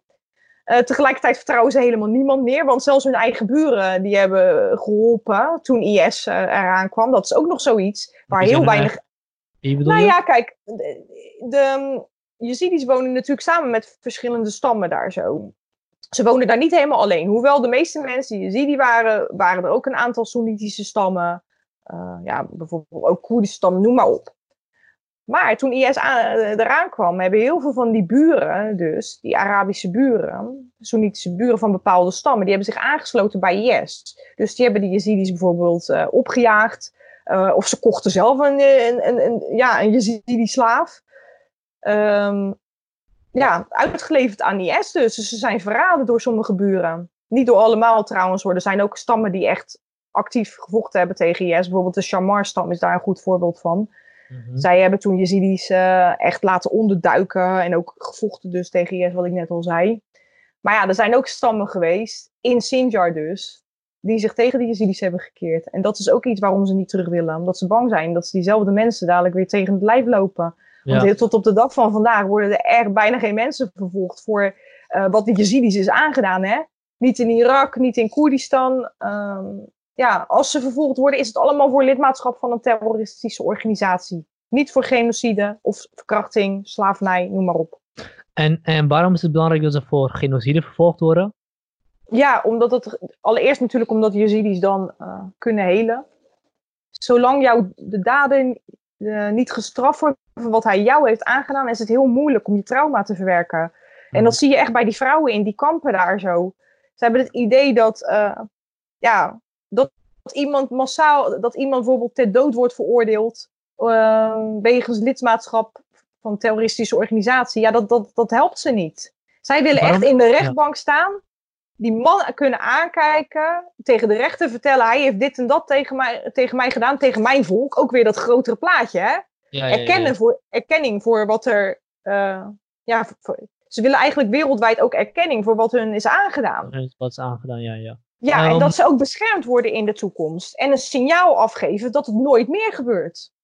Kijk, want dit kan je niet ongestraft. Kijk, van um, dit is wat jullie ons hebben aangedaan. Hier kom je niet zomaar mee weg. Dus als ze dan uh, bijvoorbeeld. Ja, het, het, is gewoon heel goed als iemand dan echt vervolgd wordt voor bijvoorbeeld slavernij, verkrachting. Ja. Dat geeft gerechtigheid. Ik weet niet, hoe, ik weet, ik weet niet of hoe het juridisch werkt, maar moet, dat, moet om dat te kunnen doen niet uh, die persoon aangeklaagd worden voor die daad door een slachtoffer? Ja. Nou dat, nou, dat hoeft niet altijd hoor. Dat kan natuurlijk ook gewoon via de politiek. Dat, kijk maar bijvoorbeeld in Duitsland nu. Er is nu bekendgemaakt dat er een vrouw. Uh, uh, ook, dat, dat, dat zij ook betrokken was bij de slaven, slavernij, een Duitse vrouw dus. Volgens mij had zij een 13-jarige Jezidi-slaaf. En daar is toen het uh, ja, Duitse Openbaar Ministerie zelf mee gekomen. Naar aanleiding van een onderzoek van Harold Doornbos en Jenan Moussa, die twee journalisten, die hebben toen op een gegeven moment een telefoon uh, in handen gekregen van een Duitse ja, IS-vrouw dus, die was teruggekeerd naar Duitsland. En op die telefoon kwamen ze dus achter dat ze alle, ja, meegeholpen had in allerlei misdaden. Um, en vervolgens is de Duitse OM is hiermee aan de slag gegaan. Toen kwam er dus ook informatie naar boven dat ze inderdaad een Jezidi-slaaf in huis had. Mm. Nou, en nu wordt ze daarvoor vervolgd. Ja. En ik weet wel, het is heel moeilijk om mensen te vervolgen voor genocide, heb ik begrepen. Dat heeft er ook weer mee te maken of bijvoorbeeld een land de genocide officieel heeft erkend. Nou, kijk hoe dat met de Armeense genocide is gegaan. Dat, uh, daar kan je denk ik nog wel even op wachten. Dat, ja, hoewel er wel in Europa wel landen zijn die echt die, die genocide al hebben erkend. Dat is wel zo. Nou ja, Turkije moet erkennen toch, om, dat, om het te kunnen vervolgen dan? Um, nee, wacht even. Nee, in Nederland, als, kijk, volgens mij werkt het zo van als een land erkent dat er genocide is gepleegd op een bepaalde groep, dan kan je dus ook weer Nederlanders daarvoor vervolgen. Of als de bewijs is. Op die manier. Ah, zo ja, ja, ja. volgens mij wel. Maar ik, moet, ik, ik, ik weet niet precies hoe dat juridisch allemaal in elkaar zit. Maar ik weet wel dat, dat het heel moeilijk is om mensen voor genocide te vervolgen. Ook qua bewijsvoering en zo.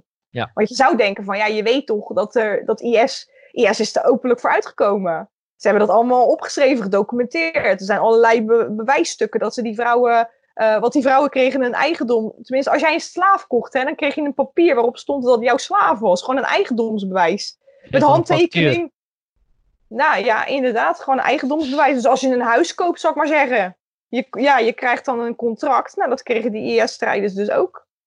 Dus je zou denken van, er is genoeg bewijs. Maar blijkbaar is het heel moeilijk om mensen daarvoor te vervolgen. Omdat je echt moet weten dat diegene daarbij betrokken was. En daar verantwoordelijk voor was. Je kan niet zeggen, ja, ja en dat, is dus waar we nu tegenaan lopen hier in Nederland. Dat is het probleem natuurlijk. Je kan niet, je kan niet, volgens mij kun je niet groepen vervolgen. Je kan alleen maar specifieke personen vervolgen. Dus en ja, hoe ga je, hoe ga je laten zien dat in die genocide in Sinjar persoon A, B en C er waren en die vervolgd moeten worden voor, voor genocide? Ja, Kijk, ik ben geen jurist, maar ik heb begrepen dat alles gewoon eh, moet worden bewezen. Dus ieder klein dingetje. Um, maar er is wel veel mogelijk ook binnen de wet. Want stel je nou voor dat die ene vrouw, ja, bijvoorbeeld uh, in een, haar man kocht een slaaf, ik noem maar wat. En jij hebt niks gedaan om die slaaf uh, te, te, te, redden of te bevrijden of wat dan ook. Ja, dan ben je dus al strafbaar. Je moet dat wel kunnen bewijzen dan, maar... Ja.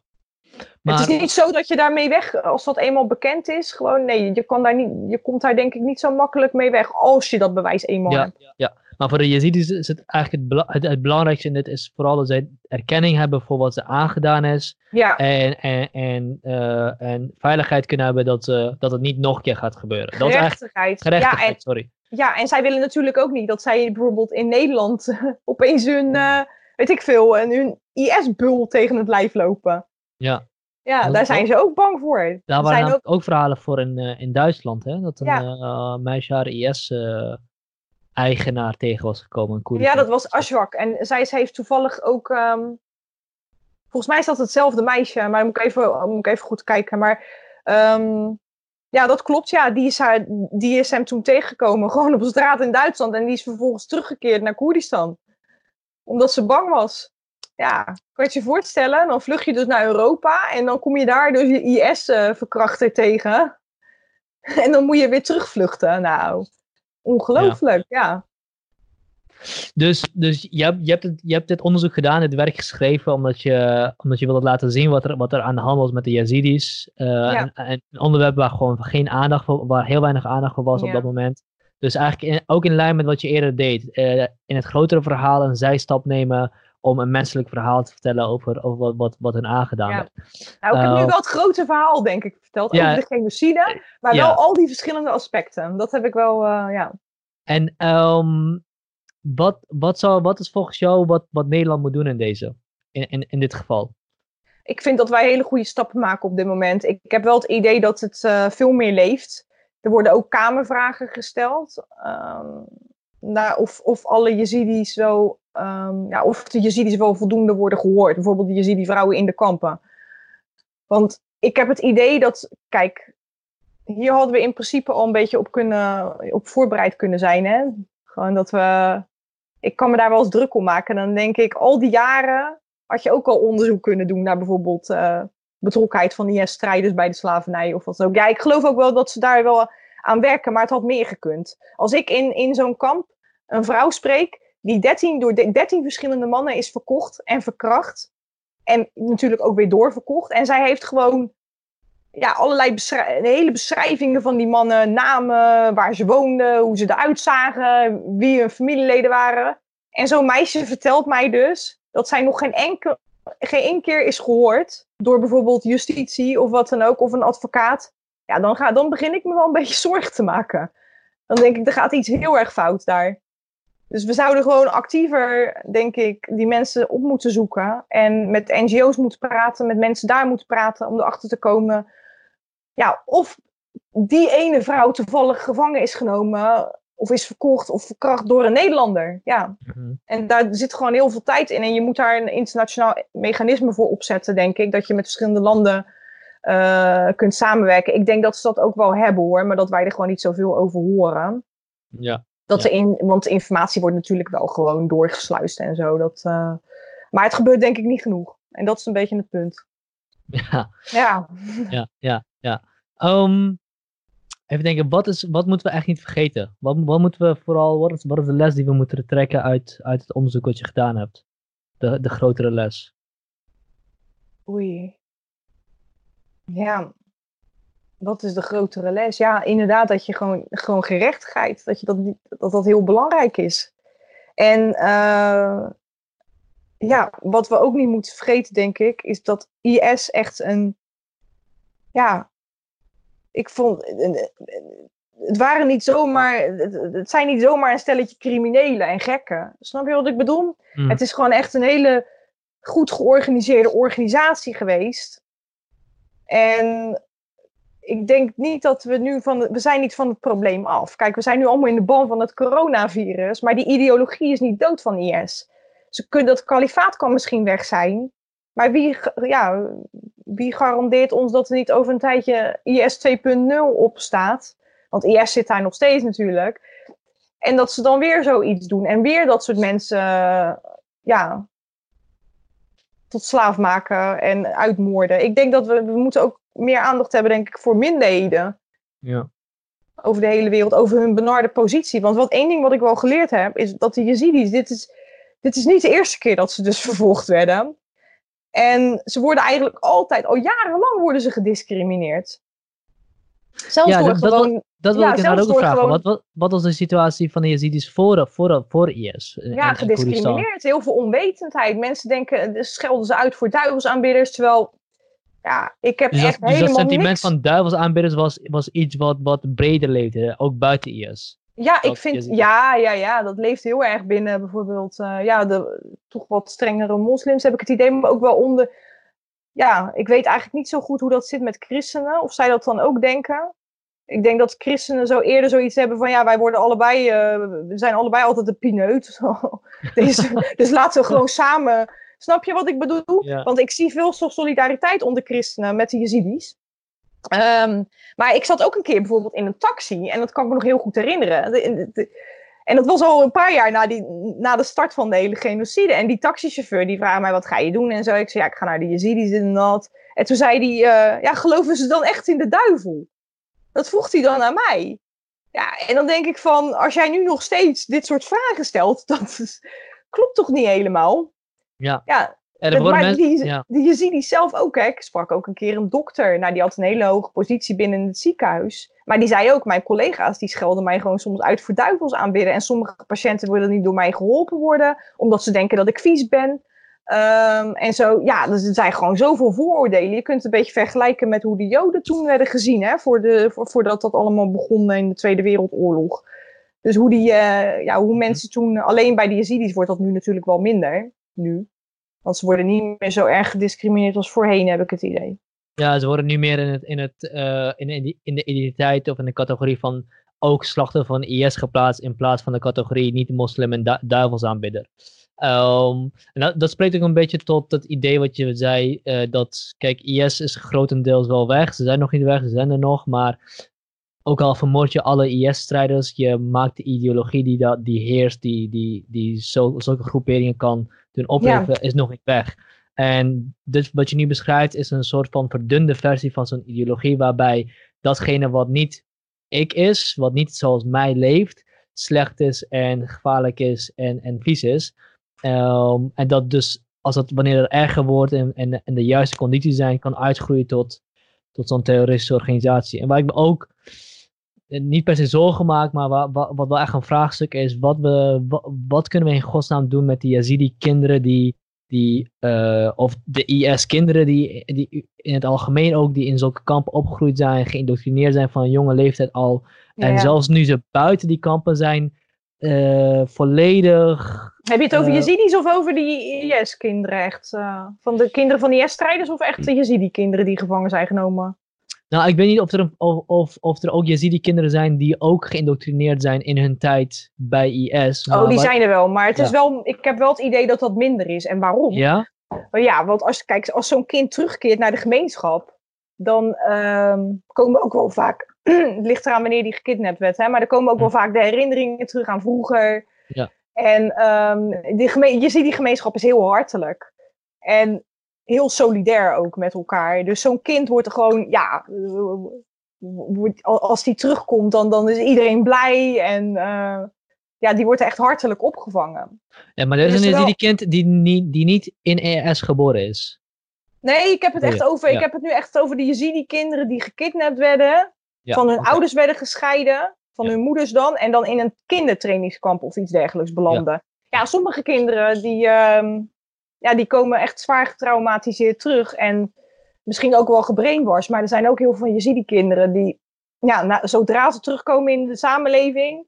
Ja, nee, ik geloof niet dat veel van, van die kinderen nog de IS-ideologie aanhangen hoor. Ja, nou, wa, wa, wa, het voorbeeld waar ik op doelde was uh, in je verhaal van de groene, van, het jongen, van de jongen die niet, los, die niet alleen gelaten kon worden met scheppen ja. oorwerpen. Ja. ja, dat is ook trauma. Hè? Kijk, die heeft dat ja. al die tijd gehoord. Dat, dat kind was nog heel klein. En die heeft gewoon dagelijks gezien hoe IS uh, mensen vermoordde. En dat is ook wat IS deed. Dat, ze, ze, ja, ze, ze pompten die alleen maar gewelddadige ideologie in die kinderen. Zodat ze gewend zouden raken aan extreem geweld. En uh, die kinderen hebben dus gewoon psychologische hulp nodig. Maar je ziet ook wel dat, ja, kijk, die kinderen die ik sprak, die kwamen toen net terug. Hè? Die hadden nog geen hulp gekregen of wat dan ook. Met psychologische hulp kan je heel veel... Uh, ja, kan je heel veel, heel veel aanpakken, want kinderen zijn flexibel.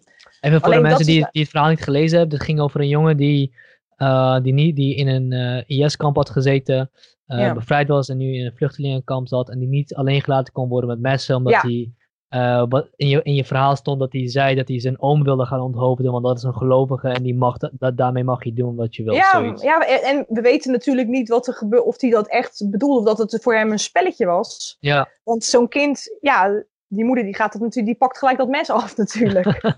maar hij ja. had, dat kind had bijvoorbeeld ook een keer op straat een kip onthoofd. Ja. En nu moet ik zeggen ja. dat zij daar natuurlijk, um, ja, ze slachten daar hun kippen zelf.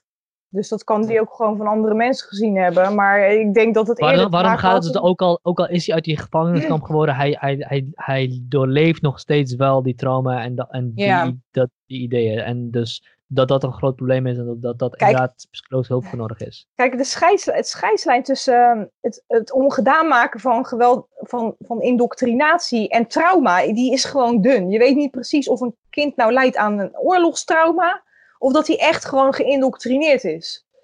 Ehm, dus ja, en daar heb je psychologen voor nodig. En dat is nou juist een probleem, want die zijn er gewoon veel te weinig. Met name voor die kinderen. Je ziet wel dat er socia uh, psychische sociale activiteiten zijn, maar dat is niet genoeg. Sommige kinderen hebben langdurig uh, traumazorg nodig. Bijvoorbeeld van EMDR-specialist, ik noem maar wat. Ja, en dat is nou juist het probleem. Die zijn er gewoon veel te weinig. Het ligt er ook aan hoe oud een kind was. Bijvoorbeeld, mhm. wat je nu ziet, is dat uh, kinderen zo jong waren, dat toen ze gekidnapt waren, dat ze geen herinneringen meer hebben aan hun Yazidi-familie. Dus zij denken dat die IS-familie, dat dat hun familie is. Um, dus als ze dan opeens worden teruggebracht naar hun echte familie, ja, dan zijn ze helemaal in de war. Dan denken ze, wat is hier aan de hand? Dus dat is ook een probleem. Maar de oudere kinderen, ja, die kunnen zich nog wel heel goed herinneren. Uh, de jongen op de cover van mijn boek, Majdal, hij, werd, hij was elf toen hij werd gekidnapt. Maar hij had bijvoorbeeld ook gezien hoe zijn vader en zijn ja, broers en zo werden afgevoerd in Kortjol om vermoord te worden. Ja, die jongen die, uh, heeft dat natuurlijk al die tijd bij zich gehouden. Dus die, die indoctrinatie die IS probeerde, dat, om hem ja, dat, dat, dat werkte gewoon niet bij hem. Want hij wist gewoon, ik ben Yazidi en ik ben van, met, mijn moeder die... Uh, jullie hebben mijn moeder van mij afgepakt, mijn zussen van, van me afgepakt, mijn vader die is waarschijnlijk dood. Ja, dus die is daar toen heel goed uitgekomen, wel getraumatiseerd. Want hij heeft zoveel gezien, maar ik had niet het idee dat hij uh, gebrainwashed was. Nee, absoluut niet. Hij had een hekel aan alles wat met IS en met uh, religie te maken had. Ja. Dus je ziet juist dat ze zich heel erg dan bij die oudere jongens heel erg gaan afkeren. Deze jongen ook. Hè? Hij kwam terug uit de IS-gevangenschap. Hij was 14 jaar.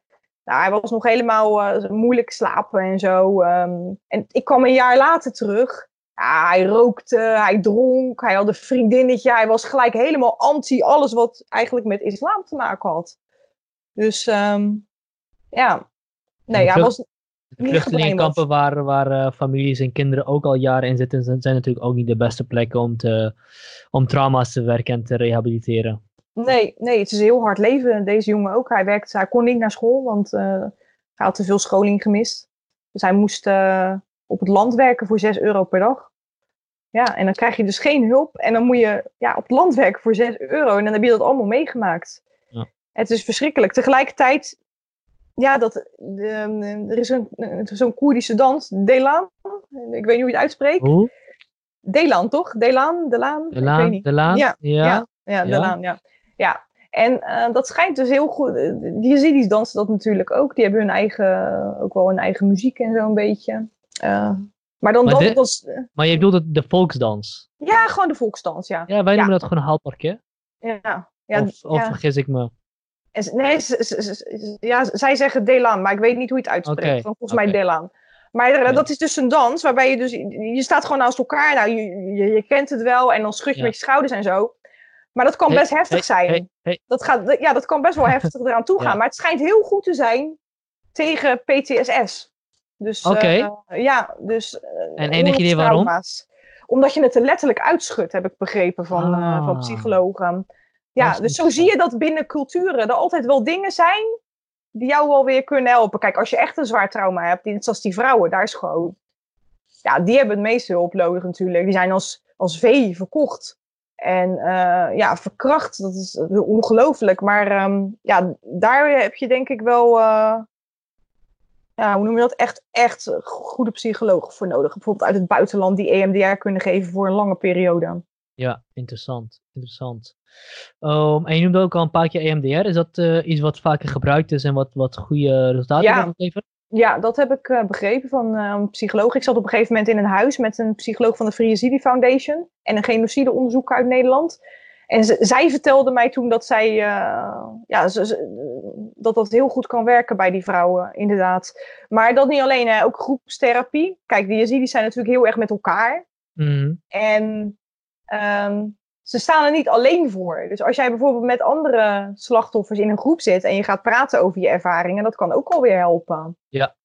Ja, ja sowieso in heel Koerdistanstein ben je nooit alleen. Eh, sterker nog, bij ons zeggen we bijna nooit ik, we zeggen altijd bijna wij en jullie. Ja. Dus uh, ja, dat, dat kan inderdaad wel een goede troost bieden. Ja, en je ziet ook wel dat er heel veel uh, ja, mensen binnen de gemeenschap zelf ook opstaan. Hè? Dus er zijn nu um, Jezidis die allemaal massaal, ja, die kiezen nu massaal voor een studie psychologie, omdat zij zoiets hebben van er zijn veel te weinig psychologen hier. En wij willen ons volk helpen. En we hebben in Nederland ook uh, Wahab, uh, die heel actief is. Ja. Uh, die, die ik er ook ontmoet. Ja, dat, dat, dat is ook wel goed. Het is natuurlijk ook altijd goed als mensen vanuit de gemeenschap de stappen nemen om, om te werken aan de eigen heling. Ja, dat zie je dus overal. Hè? En dat, dat is ook zoiets. Die, uh, daar staan wij vaak niet bij stil. Maar praat met een Yazidi. Maakt niet uit waar, waar die zit. Of het in Amerika is of in Nederland, zoals met WAP. Binnen vijf minuten gaat het over de genocide. Ja. Binnen vijf minuten. Die mensen zijn echt massaal eigenlijk uh, ja, toch wel getraumatiseerd, denk ik, door wat er gebeurd is. Het is, ja, dat, iedereen, het raakt iedereen waar je ook zit. Uh, of je nou al tien jaar in Amerika woont als je ziet, of in Nederland. Ja. Ja. Ja. Het is één, één hechte groep. Ja. Ja, ehm, heb je nog eh, heb je nieuwe projecten op de planning staan? Ja, en natuurlijk nu, nu, nu niet meer. maar eh, had je een week geleden nog eh, grote projecten? Als, wat, wat zou je nog willen doen hier op, op, op, dit, op dit vlak? Nou, ik zou wel wat meer. ehm, ja. Ik weet niet, ik geef gewoon presentaties natuurlijk. Omdat ik het belangrijk vind dat mensen er vanaf weten. Ehm, dus die, die, ja, die zijn nu allemaal afgezegd, helaas. Dat is heel jammer. Want wa- wa- ik, ik vind het belangrijk dat mensen goed snappen hoe het zit. Mhm. En, ehm, en dan met name als je kijkt naar berechting. Wat ik ook nog wel wil, je noemde net Wahab. Hij heeft een, eh, ook een, een ja, soort van groep opgezet, geloof ik. Hoe noem je dat, joh? Hij ik, ik ben het even eh, kwijt. Zo'n zo'n justice project heeft hij. Ja, hoe heet het nou ook alweer? Samen met Eh, andere studenten en dan worden ze begeleid door een professor. Nederland helpt Yazidis of zo? Nee, dat is zijn stichting. Hij heeft ook een stichting. Hij heeft een stichting, maar hij heeft ook een justice project. Want hij gaat nu bewijsmateriaal verzamelen. Stichting Tegen- Free Yazidi? Nee, dat is een andere. Oh. Ehm, ik weet niet hoe het heet, maar het is in ieder geval een justice project. Het, het- Ja. Hij gaat bewijsmateriaal verzamelen tegen IS-strijders. Zodat ze dat kunnen gebruiken in de rechtbank. En dat doet hij samen met andere studenten onder begeleiding van eh, eh, gewoon een professor van de universiteit, denk ik. Ja. Kijk, dit soort dingen zijn heel belangrijk, hè? En dat zie je over de hele wereld wel een beetje gebeuren nu. Dus al- allerlei organisaties en clubjes. Dus echt zelf besluiten van, joh, wij gaan actief op zoek naar eh, bewijsmateriaal. Ja, heel En dat goed. is ook heel hard nodig. Heel goed. En ehm, ja, ik ben heel benieuwd waar het heen gaat over een aantal jaar. Ik Ja, ik ook. zijn natuurlijk, IS is nog niet zo lang de kop ingedrukt en het gevaar blijft, is nog steeds dat ze, dat ze kunnen weer, weer kunnen opstaan. En ehm, ik hoop dat als, als dat gevaar meer achter de rug is, dat er meer tijd en prioriteit gegeven kan worden aan, aan zulke dingen. Ja, ik hoop dat er ook meer projecten komen, bijvoorbeeld om de mensen in de kampen daar te helpen. Want er wonen nog altijd iets van eh 350.000 Yazidis in kampen. Of in krakkemikkige huisjes. Want die maken ze dan zelf, hè. Ja, je weet hoe, misschien hoe dat wel gaat. Ik, ben, eh, de, ik, ik volg ook al Zatari-kamp, een Syrisch vluchtelingenkamp in Jordanië, volg ik ook al jaren. Nou ja, dat begint met tenten en op een gegeven moment gaan ze met spaanplaten van alles bouw, bijbouwen en zo. En dan wordt het eigenlijk een soort van stad. Ja, dat zie je nu ook wel een beetje eh, in Koerdistan gebeuren. Ik Hmm. denk dat het een goed idee is als de Koerdische regering ook ehm, gewoon eens gaat nadenken van, ja, misschien blijven mensen hier, deze mensen hier wel permanent wonen. Dus misschien moeten we een ander soort voorzieningen aanbieden. Toch Ja. wel denken over eh, huizen en dergelijke. Want ik, ik geloof gewoon niet dat, dat mensen massaal terug gaan keren naar Sinjar. De herinneringen zijn ook gewoon nog veel te vers. Kijk, ik, een goed voorbeeld. Hè? Nadia Murad komt uit Kortjol. Eh, dat dorp werd twee weken lang door IS eigenlijk belegerd. En die mensen wisten niet waar ze aan toe waren. Nou, op een gegeven moment heeft IS dus besloten, na twee weken, om alsnog alle mannen uit te moorden. En alle vrouwen en kinderen mee te nemen. Om het te verkopen op slavenmarkten dus. Ja, en er zijn daar honderden mannen omgekomen. En oudere jongens. Ja, wie, welke vrouw gaat daar ooit nog wonen? Snap je? Het zal een dorp zijn met alleen maar weduwen. En ja, niemand gaat dat doen. Die herinneringen, die Nadia Morad ook, toen zij terugkeerde naar haar oude huis, wat helemaal in puin lag dus, nou, die, zij stortte gewoon, ze stortte neer tussen de, de, de stenen en alles. En huilen, huilen. Ja, nee, ik zie niet, ik zie niet dat eh, gebeuren dat deze mensen daar dadelijk weer gaan wonen. heel veel van dat soort dorpen zullen gewoon voor altijd zo blijven, denk ik. Dat wordt een soort van monument. Er wordt een monument Ja, ik wil dat niet zeggen inderdaad, ja. Ja, en that's it.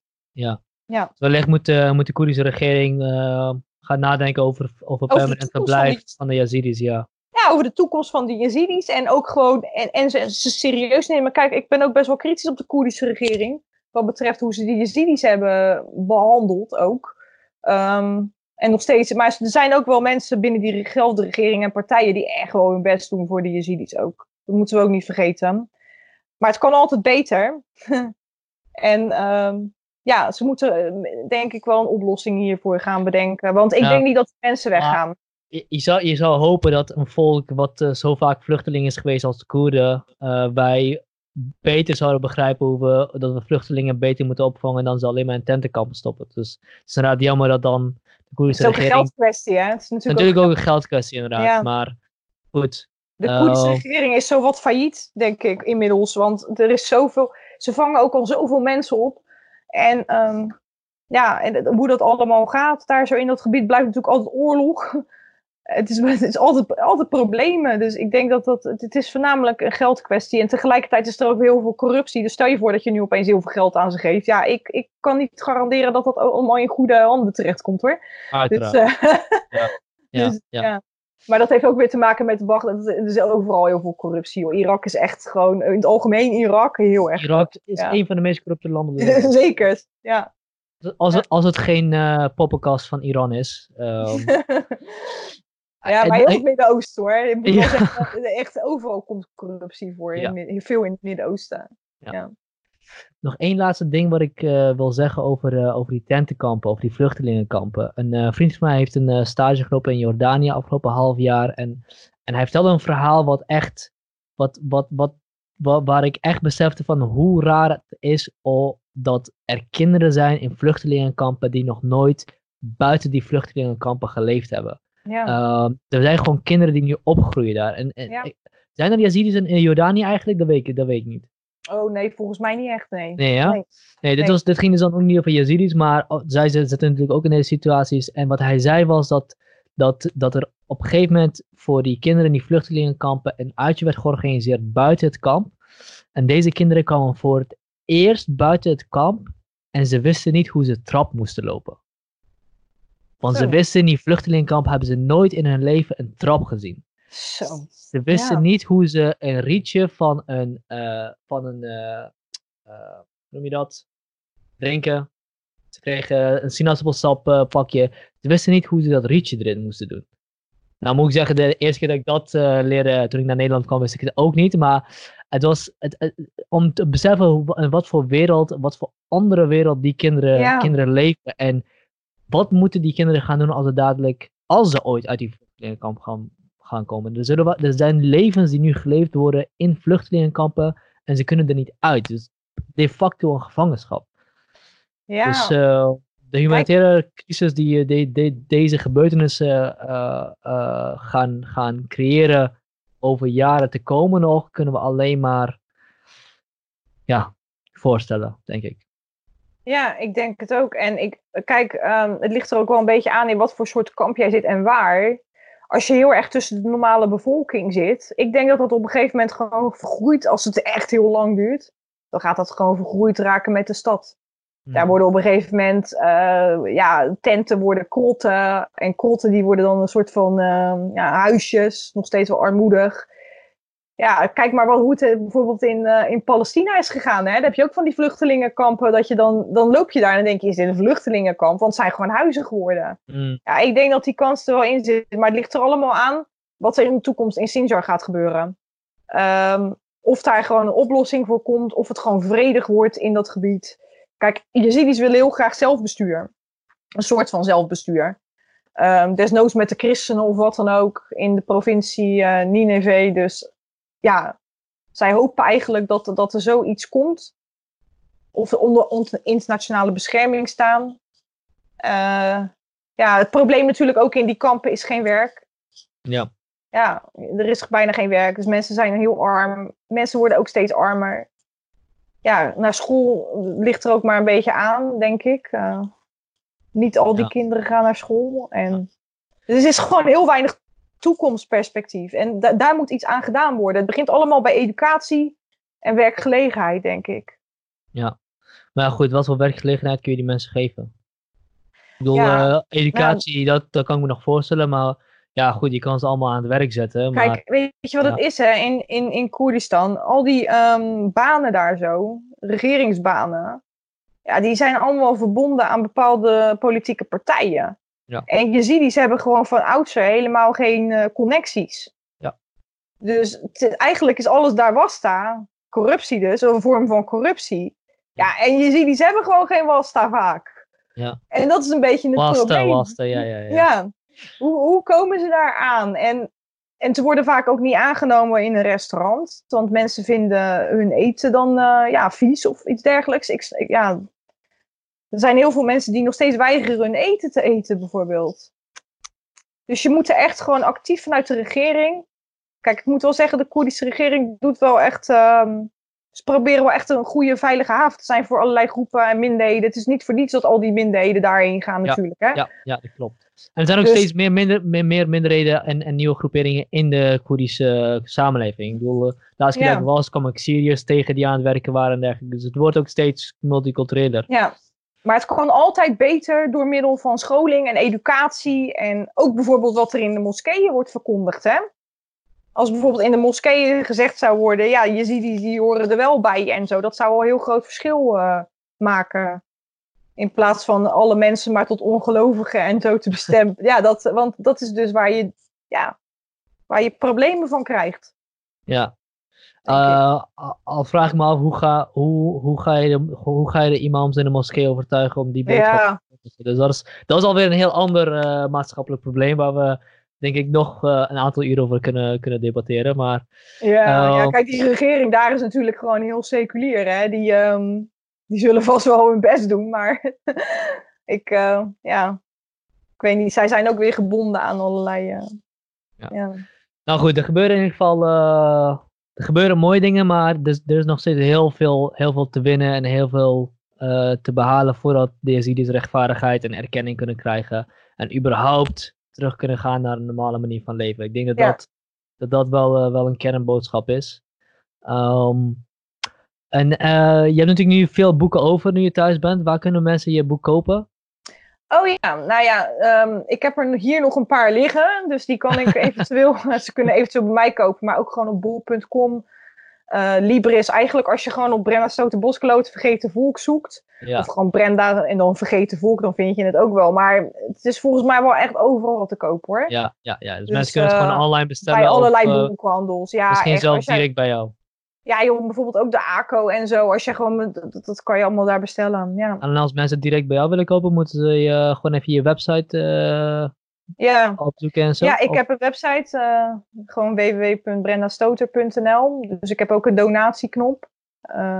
ja, en dan kunnen ja, mensen want... eventueel, als ze dan een boek willen of zo, moeten ze maar even aangeven. ja, ja, ja, ja. ja. Want je bent natuurlijk ook, word je ook veel zelf, zelfstandig gesteund? Want je bent natuurlijk ook een soort van ja, je bent gewoon onafhankelijk. Dus heb je mensen die jou, uh, uh, heb, je een, heb je een groep mensen die jou steunt om jouw werk te kunnen doen? Of is dat juist niet, niet echt het geval?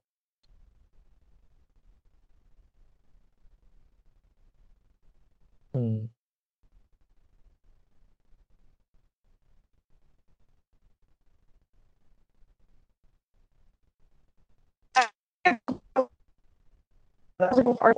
Sinds kort, vorig jaar heb ik dat gedaan, eind vorig jaar. En uh, dat was eigenlijk meer uit nood, want ik had vette schulden aan mijn boek overgehouden. Dat, um, ja, ik weet niet of mensen het weten, maar voor een boek schrijven krijg je dus niet betaald. In mijn geval kreeg ik een voorschot van 1500 euro van de uitgever. Dat, moet, dat gaat weer terug uit de royalties. Nou ja, een goed lopend boek in Nederland, een journalistiek boek, koopt 2000 keer. Je krijgt 2 euro per boek.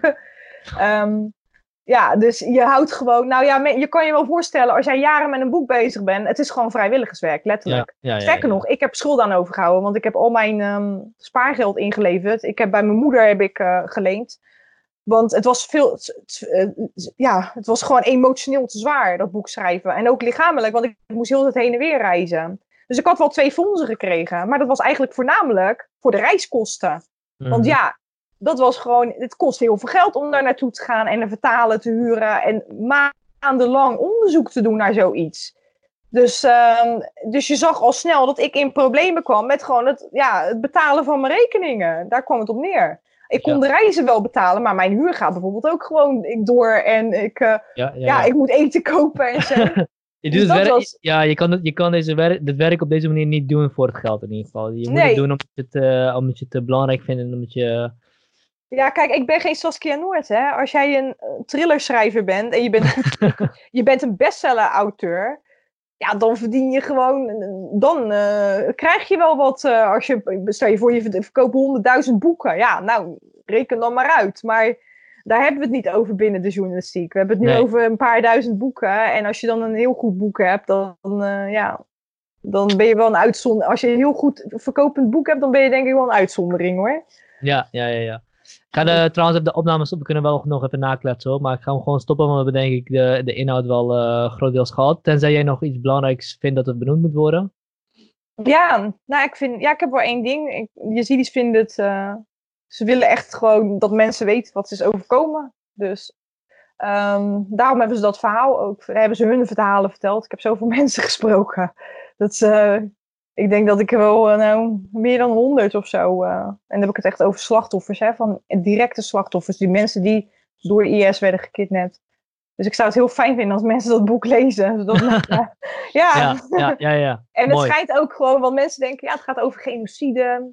En dat is natuurlijk allemaal een beetje, dat is natuurlijk hartstikke zwaar. Dat, dat is ook wel zo, maar het schijnt ook, dat, dat krijg ik vaak te horen van mensen, dat het zo wegleest omdat het een, toch een lopend verhaal is. En het voelt alsof je naast op de bank zit.